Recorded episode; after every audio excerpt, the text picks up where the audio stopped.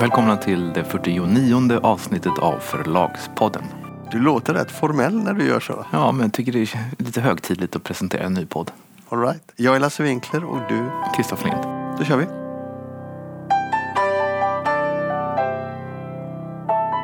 En grej som jag tycker vi måste, måste, måste ta upp. Det är ETCetras eh, snedstreck eh, Leopards tiggarbrev. Just det, det måste vi ta upp. Det var ju väl överraskande verkligen. En fräckhet som är gränslös. Måste du faktiskt förklara det när du säger det. Det är så att eh, Johan Ehrenberg har skickat ut ett, ett mejl till, eh, jag vet inte exakt vilka som har fått det, men det är väl folk som är på något sätt eh, eh, har ny, får nyhetsbrev av ETC och Leopard. Och i ämnesraden så står det Rädda boken, tror jag det står. Det är i alla fall det som är tanken. Och han inleder då det här med det här, det här mejlet med att skriva att det är kris nu. ehm, för att kriset heter monopolisering och att den här svenska bokbranschen håller på att monopoliseras. De alla, alla småförlag står är i kris eller på krisens sluttning. Och att böcker som tidigare sålde 3000 ex eller idag är 5000 ex och monopoliseringen har axlat vänta lite nu. Nu sa du fel va? Böcker som tidigare sålde 3000 ex. sålde i 500 ex. Ja. Författare och skap med kvalitet blir notiser och monopoliseringen bara accelererar. Varje gång någon köper en bok på Adlibris så stärks Bonniers makt. Allt är Bonniers fel. Allt är Bonniers fel.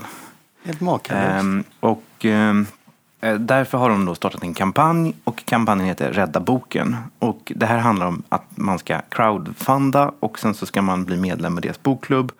Och sen så ska man ehm, också, om man, är, om man själv är en bokhandel eller ett café så kan man ehm, se till att man har uh, ETC och Leopards böcker då tillgängliga. Som en kamp mot Bonniers och monopol. Eh, Eh, Exakt, men också för att stödja då kvalitet och mångfald. Men det är då, då tre steg. Crowd, crowd, crowdfunding, en frivillig bokhandelskedja och ETC bokklubb. Eh, och då rent konkret då så är det så att man ska, de ska samla in pengar till utgivningen av Barbara Ehrenreichs bok Att lura åldrandet som ska komma ut till hösten. Och då så är det så att de, då ska man då skicka in pengar Ehm, och så får man tillbaka de här pengarna eh, eventuellt om boken når sitt mål. Och det står också då här att ja, det finns alltid en risk. Alla böcker klarar inte målet. Men poängen är att vi tillsammans skapar möjlighet att göra en bok bred och stor. Och då kallar du det för lurendrejeri. Varför det? Ja, jag skulle säga att det här är, det är, ingen fräck, det är, en, det är en fräckhet som är gränslös. Och det är eh, bondfångeri. Därför att eh, för, först och främst så, menar jag, eh, jag har kanske tidigare varit lite känd för att jag ibland kritiserar Bonnier. Eh, men det här är ju skamlöst. Alltså det här, mm, fruktansvärt skamlöst. Alla, alla vet att Leopard förlag har problem. Det är ingen hemlighet. Eh, och de problemen har ingenting att göra med att Bonnier äger Adlibris. Utan det är, det är problem som bottnar i den egna organisationen, den typ av böcker man ger ut och sättet som man driver förlaget på. Allt är Bonniers fel. Alltså det är så, det är så fräckt alltså. Jag blir upprörd. Eh, och, och, och liksom göra det till en, en, eh, en politisk kampanj alltså. Det, det är så makalöst fräckt. Och sen så då, förlaget står på ruinens brant. Eh, Jag försökte kolla upp siffrorna innan vi spelade in den här podden men det gick inte att få fram deras senaste årsredovisning för den är inskickad till Bolagsverket men eh, eh, de håller på att genomföra en nyemission. Ja. De kanske väntar på de här crowdfunding-pengarna eh, så den, den har inte riktigt gått igenom. Men jag har ju hört på olika håll att de inte betalar sina räkningar. Och då så ska man alltså gå ut och crowdfunda. Ja, alltså jag är helt överens med dig. Jag, jag tycker han är makalös, Jan Ehrenberg, i att blanda bort korten och få sig själv att framstå som otroligt oskyldig och väldigt bra. Men det är han har ju varit med och sätta förlaget i den här situationen. Genom de valen de har gjort. Men så är det med alla förlag. Man får Jo. stå sina liksom, kast. Man får stå sina kast, men när man inte har några pengar, att lura av de pengarna av god, godtrogna och intet ont anande människor med, med, med hjärtat till vänster, det tycker jag är, det är skamlöst. Ja. Han är skamlös, tycker jag. De som, de, de som kommer att skicka in pengarna till de här kommer aldrig någonsin få tillbaka dem. Nej, nu tycker jag i och för sig det är en väldigt bra, bra titel så jag hoppas att den kommer ut på svenska. Men när jag ser det här så får jag bara avsmak för dem. Intressant är att jag råkar dessutom veta, för att jag vet vem som har översatt den här boken, eh, att den här boken har ju de köpt för länge, länge sedan. Och översättningen har ju redan påbörjats för länge, länge sedan. Så det är inte så att de, de säger så här, vi, skulle, vi har ont om pengar men vi skulle vilja ge ut den här, kan ni crowdfunda? Utan det är så att de har köpt in den här boken men nu har de sådana ekonomiska problem så att de vill få in pengar för att den ska kunna ges ut.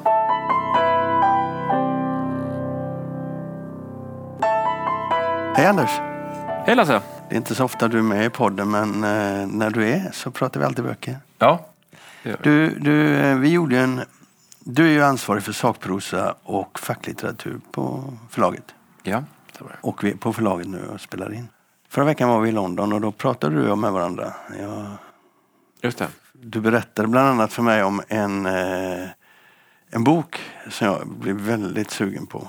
Och eh, så här lät det när vi var i London. Ja, men en, eh, en sak som eh, är kul eh, och som jag berättade lite grann om eh, i Frankfurt var ju att jag var ju där på ett möte som en agentur hade satt tillsammans med just den här kartbok. Alla som har gett ut den här kartboken fick träffas eh, på ett Ja, hotell och så. Och eh, det som jag tror jag inte berättade där var att eh, det var ju den tyska förläggaren från då BTB i Tyskland. Hon, för att alla runt det här bordet skulle då tipsa om olika böcker. Och så berättar hon helt lågmält om en bok som hon har på sin lista och som heter då Caféet vid världens ände. Eh, och jag tror inte någon runt det där bordet hade hört talas om den boken. Eh, och eh, ja, vad hette författaren och sådär. Och det, han hette John Strelecki. Jaha, han kommer från USA. Boken kom ut 2006 och den har sålt två miljoner ex i Tyskland. Så eh, det där blev ju jag och faktiskt några andra runt det där bordet väldigt nyfikna på. Så den boken kom ju ut nu i maj hos oss. Caféet vid världens ände. Och det är en slags, eh, eh, vad ska man säga, det, den har jämförts med Alkemisten, en slags inspirerande berättelse. Eh, den, är, den drar åt skönlitteratur, helt klart, men den bygger på den här författarens egna eh, erfarenheter. Han är, han är liksom eh, han är utbränd. Eh, han jobbar 60 timmars veckor, har gjort det allt för länge och bara känner att jag måste ta semester. Så han sätter sig i sin bil och kör iväg utan liksom något särskilt mål. Och vad som händer då är att såklart han hamnar i en jättelång bilkö och liksom känner hur frustrationen verkligen bubblar inom honom. Så att han sitter där förbannad och liksom Så gör han en Michael Douglas. Nej, det gör han inte. Han tar inte fram något eh, maskingevär, men han tar sin bil och svänger över eh, liksom den här mitt, eh, lilla gräsfältet i mitten av vägen och börjar åka åt andra hållet, utan plan. Hamnar på små skogsvägar långt borta ingenstans och eh, blir till slut väldigt hungrig. Hamnar på ett café. Och det är det här kaféet vid världens ände. Eh, det står någon bil där så han tänker ja, men jag stannar och äter och så åker jag vidare. På den här café, dinern, eller vad ska jag säga, så kommer han i samspråk med servitrisen. Och det sitter också några andra där i ett hörn. Eh, och hon är jättetrevlig och börjar prata med honom och sådär och han, han beställer mat och, och så börjar han titta på menyn och då står det tre frågor på den här menyn. Och den första frågan är varför är du här? Eh, och så börjar de ha en diskussion kring det där och, och han förstår ju att det betyder inte eh, varför är du här utan varför är du här på den här planeten? Och så, så blir det liksom en eh, existentiell diskussion kring det och hon svarar honom hela tiden i olika typer av eh, anekdoter som hon berättar. Snart dras de andra in och sådär. Eh, lite annorlunda bok men eh, Ja, det där var London, Anders. Och på samma, på samma, vid samma tillfälle alldeles efteråt där så visar du mig listan på de böckerna som eh, ni har köpt in eller som du funderar på. Det var en rätt imponerande lista så tänkte jag det där måste vi tala om när vi kommer hem. Och nu är vi hemma. Precis. Ja, den listan som du fick, det var eh, listan över köpta titlar. Okej. Sakprosa. Både sådana som är kommande och eh, sen är det lite urval av de bästa backlist-titlarna kan man säga. Eller de senaste och de bästa. Och den här listans syfte är liksom att eh, för att de här mötena som man då har när bokmässan ska bli så bra som möjligt så, så, så vissa av de personer som man träffar är ju sådana som man känner väl och har träffat många gånger. Andra träffar man för första gången. De vet inte vad Lind Company är för någonting och de har ingen aning om vad vi letar efter. Så för att liksom inte eh, bara bli presenterad massa fullständigt ointressanta saker så har man den här listan för att liksom snabbt kunna visa det här sysslar vi med och det här har vi köpt. Eh, och likaså när man träffar kollegor från andra förlag i andra länder så kan de snabbt säga ja ni har köpt den där, okej den tittar vi också på eller okej ni har köpt den och så, här. så man Så det blir som eh, att man kan tipsa varandra helt enkelt om det. Och det handlar mest om Norden. För det är ju eh, Norge och Finland har vi ju väldigt många förlag som påminner i alla fall om, om det som Mhm. vi gör här. Men det är väldigt, väldigt många titlar här. Vilka tycker du själv är... Och nu får du inte eh, tänka så här att nu ska vara rättvist till författarna. Skit i det. Bara berätta lite om jättesvårt. titlar. Jag, jag får köra några eh, spontana bara. Vi tittar på eh, listan över kommande titlar. Så hittar vi då en, eh, en bok som vi har köpt från eh, Amazon Publishing. Och eh, det är en bok som heter A River in Darkness av en japansk författare som kallas för Masayi Ishikawa. Och det tycker jag är en speciell bok.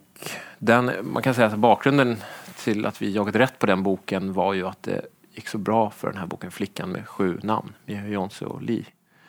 Och eh, Vänta lite, jag har ingen aning om. Vad är det? Flickan med sju namn är ju en bok om eh, en, en flicka som flyr från Nordkorea.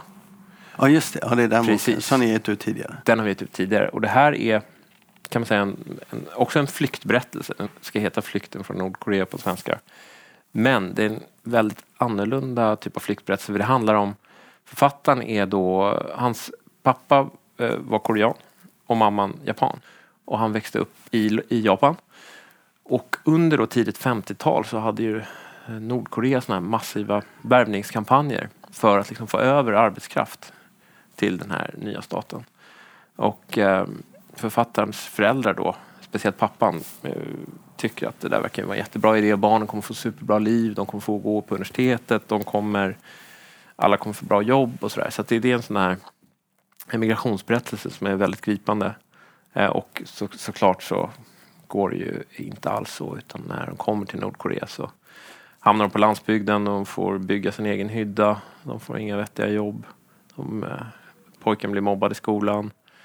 Eh, och de blir helt enkelt, de här, den här japanska minoriteten är liksom som andra klassens medborgare. Och sen under svältåren då på slutet av 90-talet så, så flyr den här mannen och hamnar till, senare i Japan. Så att det är liksom berättelsen om hans liv kan man säga. Både lite grann barndomen i Japan men också främst eh, uppväxten och, och hans liv i Nordkorea. Och, så det, det är också en inblick i hur, hur landet har fungerat och sådär. Så det är en väldigt gripande berättelse. Och den har, liksom Amazon då har köpt den från Japan och sen översatt den till engelska och sen har den kommit ut på massa andra ställen. Så. Och den ger ni ut i år eller? Vi kommer ge ut den i höst ja. Vi tittar vidare. Uh, vart stannar ögonen? Ja, vi, här hittar vi Guido Knopp, Farväl DDR och det, det är en bok som faktiskt har eh, mycket relevans i år. Det är ju 30 år sedan murens fall och det är, det är liksom en det är faktiskt en eh, lite äldre bok men som vi som först nu kommer på svenska. Och eh, det är liksom en historik över DDR. Både över liksom eh, själva den här staten men också de ledande personerna, ledande idrottsmännen som konståkerskan Katti Witt till exempel och hur man använde idrotten i den politiska propagandan och hur ekonomin fungerade. Och så, så det är både liksom en beskrivning över hur det fungerade men också massa röster från olika håll om Honecker, om Milke, Stasi-chefen och sådär.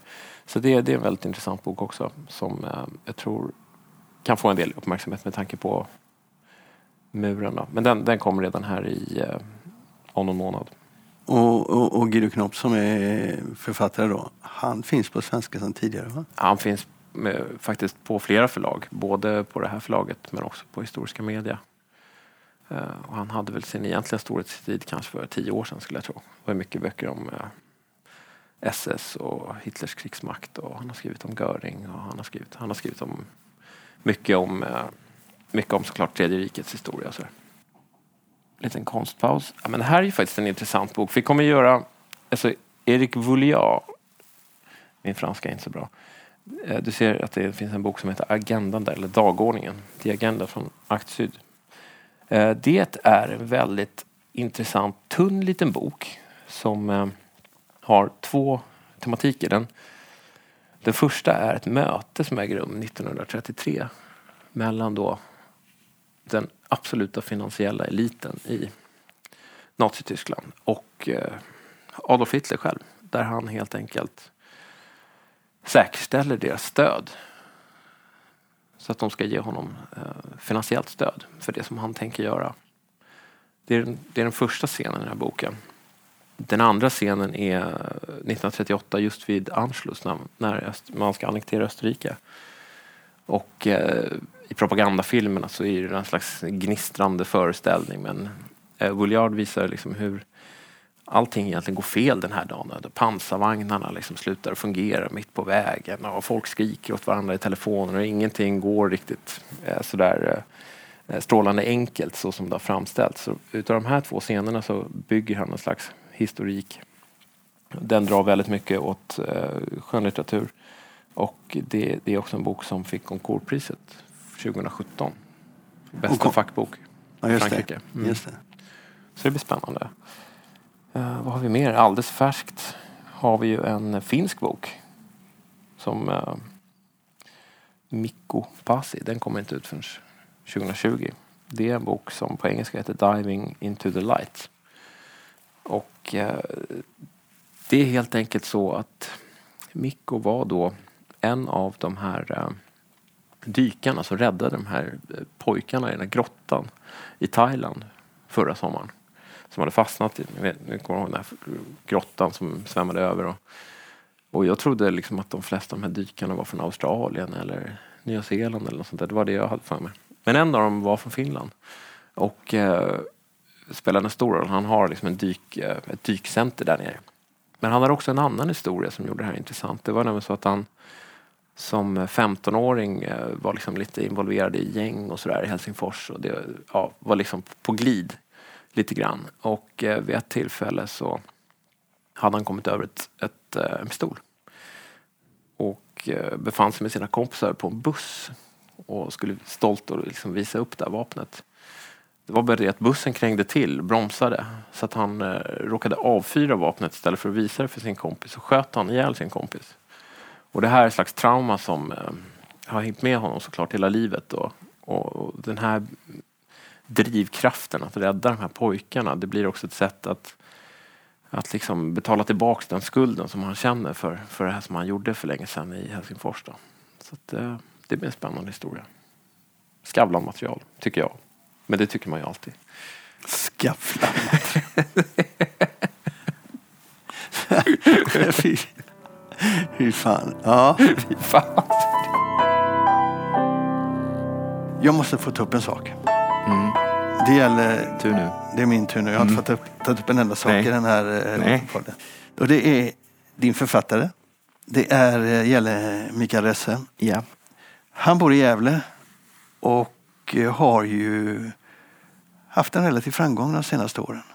Det är en väldigt stor framgång har han haft med sina deckare. Han har haft en deckarserie om en ambulanssjuksköterska som heter Erik Sandström som har gått väldigt bra. Som utspelar sig i Gävle dessutom. Ja, som utspelar sig i Gävle. Ja. Och nu kommer han ju med den här boken eh, på högvarv, Att leva med ADHD. Mm. Som, det måste vi tala om det för lyssnarna att jag har varit redaktör för den. Ja. Det är också orsaken till att jag kom på den här frågan. För jag frågade Micke så här hur det går i Gävle.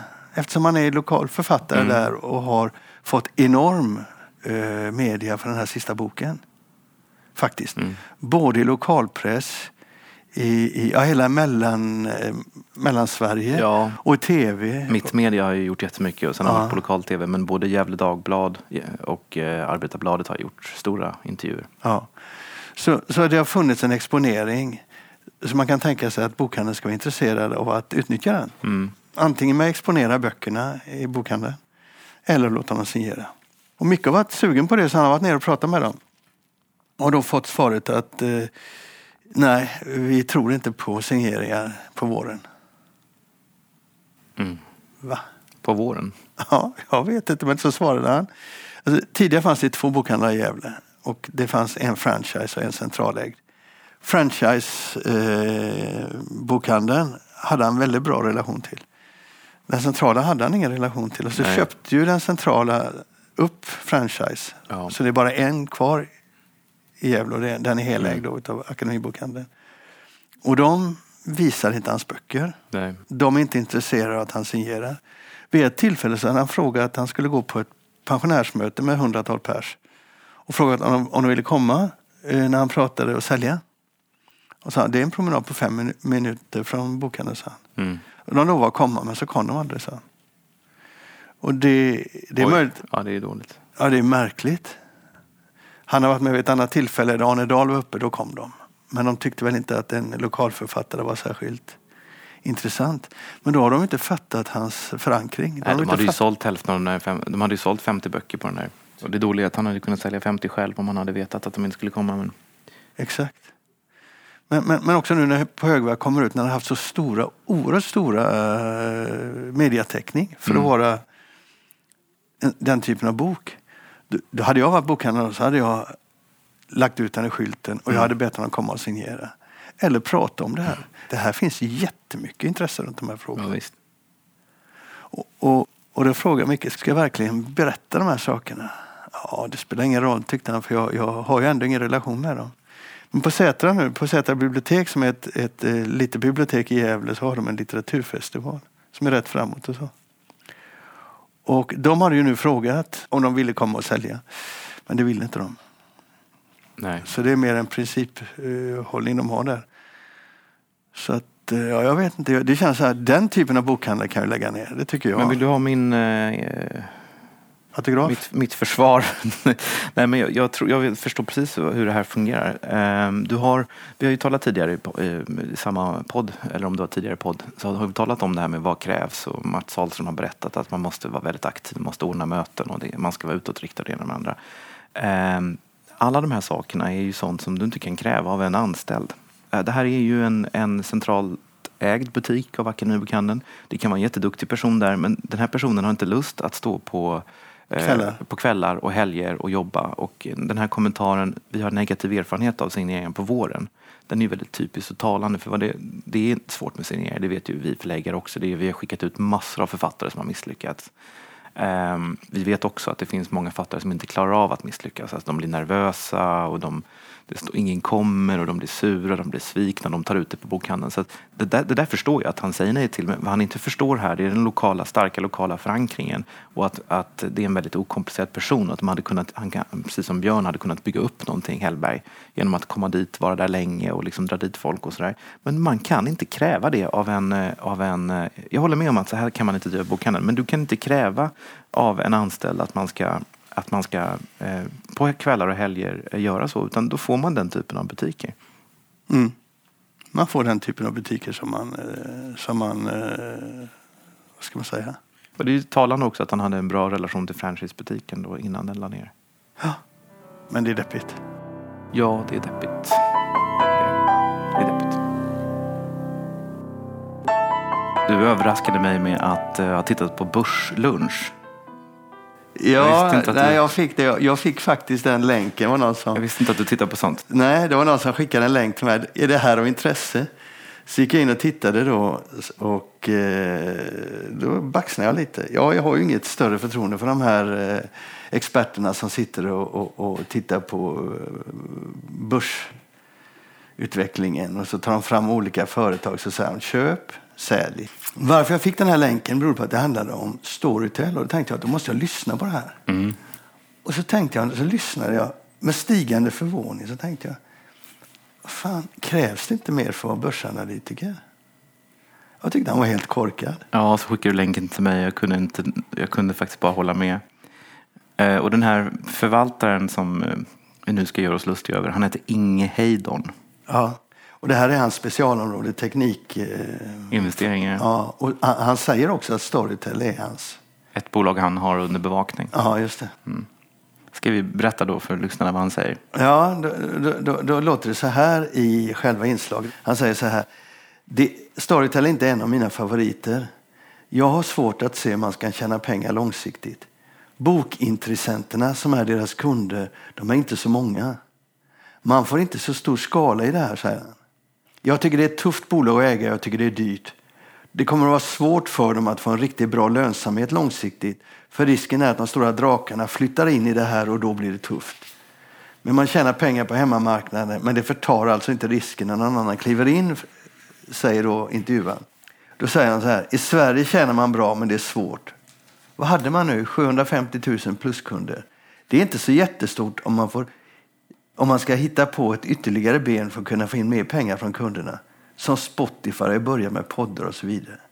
Jag tror det här är en svår business att tjäna pengar på. Det finns ju ingen analys där. Det finns ingen förståelse alls vad det är för, på djupet vad det handlar om. Nej, nej, nej. Det här är liksom en ingenjör som inte har noll koll, som har noll koll. Jag tycker också den här formuleringen är väldigt provocerande. Bokintressenterna som är deras kunder, det är inte så många. När han uttrycker sig på det sättet så, så låter det som om man talar om en liten eh, etnisk minoritetsgrupp som håller på att bli utrotad. Ja.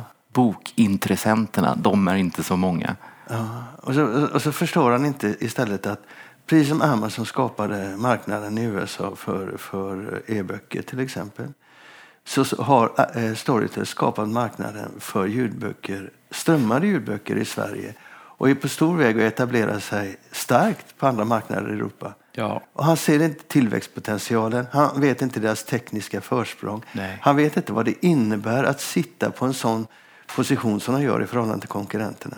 Han förstår ingenting. Och så har han sett att eh, Spotify har börjat med poddar och så tror han att Spotifys poddverksamhet ska ge pengar. Det där är så korkat också för att eh, han har uppenbarligen då inte koll på att Audible också har poddar. Ja, Eh, oftast ex exklusivt eh, material. ja. Men jag tror inte han vet, jag tror inte han känner till Audible knappt. Nej. Och han känner inte till skillnaden mellan styckförsäljning och eh, strömmade. Nej, det var väldigt, väldigt korkat. Ja. Eh, en annan aspekt på det där när du säger att de har, eh, Storytel har skapat sin marknad på samma sätt som Amazon har skapat sin marknad. Det är att det är inte bara skett en kanalförskjutning, ut- vilket ofrånkomligen har skett lite grann. Utan vad som också har skett är att man har skapat ett nytt beteende och att man har skapat ett nytt behov. Ja. Alltså folk som börjar lyssna upptäcker att de kan läsa och lyssna mm, på ett sätt som tidigare inte var möjligt. Och det gör att de ökar sin konsumtion.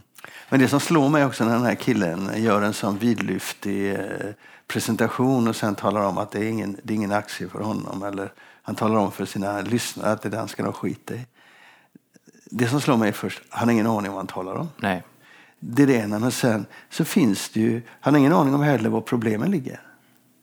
För det är klart att det finns en, en, en, en eh, svårighet här när man går in i Ryssland, när man går in i Polen, när man går in i Tyskland. Och allt.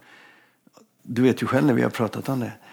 Så ingen, ingen vet ju om de kommer att bli lönsamma, hur mycket man måste plöja ner på de här marknaderna. Och ingen vet ju heller vad som händer när marknaderna börjar mätta, så att säga, med aktien, eftersom det är ett aktiebolag. Så det är klart att det finns mycket att fundera på när man är ett aktiebolag i sån här, i sån här, vad heter det, på sån här marknad. Men att inte förstå och se storheten i, i Storytel och Stor- Storytels Ja, det är verkligen korkat. det är verkligen kort. Sen han har ju också naturligtvis rätt i att de stora drakarna han säger kan, kan ge sig in i det här. Det stämmer ju. Alltså det är klart att det finns. Det ju, alla teknikbolag har ju det problemet. Eh, det kan komma in, jag menar, Spotify är ju ganska stora på ljudböcker i Tyskland. Eh, och Apple teoretiskt skulle kunna också bli stora på ljudböcker. Men ingen av dem har ju en sån här bra tjänst som Storytel har. Och dessutom så är det så att de här svenska eh, aktörerna, också Ne- Nextory och mm. Bookbeat, ingen av dem är beroende av de här stora drakarnas tekniska plattformar. Nej. Så, så de har inga problem på det sättet med de här. Och jag ska tänka mig att det ska vara väldigt svårt för de stora drakarna att gå in och konkurrera när man är så Jag stora. som man tror, är. jag, tror också, jag, jag tror också att de stora drakarna är... Man, man blir bra på det som man, är, som man är nischad på, som man är specialiserad på. Storytel, Nextory och Bookbeat är bra på ljudböcker. Eh, för Spotify så skulle det kunna bli ett, ett extra ben att stå på, men det är väldigt svårt att få in på något sätt. De måste nog göra en specialsatsning då. I Tyskland så är ju Spotify eh, näst störst på digitala ljudböcker efter Amazon. Och det är nästan omöjligt att hitta ljudböckerna där på Spotify. Det finns någon som har gjort en särskild app eh, som man kan liksom ladda ner för att liksom, som ska hjälpa till att sortera. Liksom. Men eh, det finns inte något som kommer från Spotify. Alltså det, är, det är en väldigt svår djungel att ta sig in i. Alltså är man intresserad av att lyssna på ljudböcker så är Spotify en mycket dålig kanal. Dessutom, om man, om, om man hade vetat någonting så hade man vetat att Spotify redan på ett par marknader konkurrerar med eh, Audible. På, där båda har strömmande eh, erbjudande. Audible är ju annars mest styckförsäljning. Ja, vi ska inte bli för långa där, men, men eh, korkade ekonomiexperter är väl roligt att driva. Ja, det är. Men då måste man ju fråga dig då, har du några Storytel-aktier? Nej, jag har faktiskt inte det. Nej. Jag har aldrig, av princip, jag har aldrig kunnat tänka mig som journalist köpa aktier och i synnerhet inte aktier i bolag som jag bevakar. Nej. Nej, det är väl en rimlig princip. Ja, du då? Jag äger Storytel-aktier. Du gör det? Ja. All right. Ja, det var allt för avsnitt 49. Vi ses om ett par veckor. Hej då!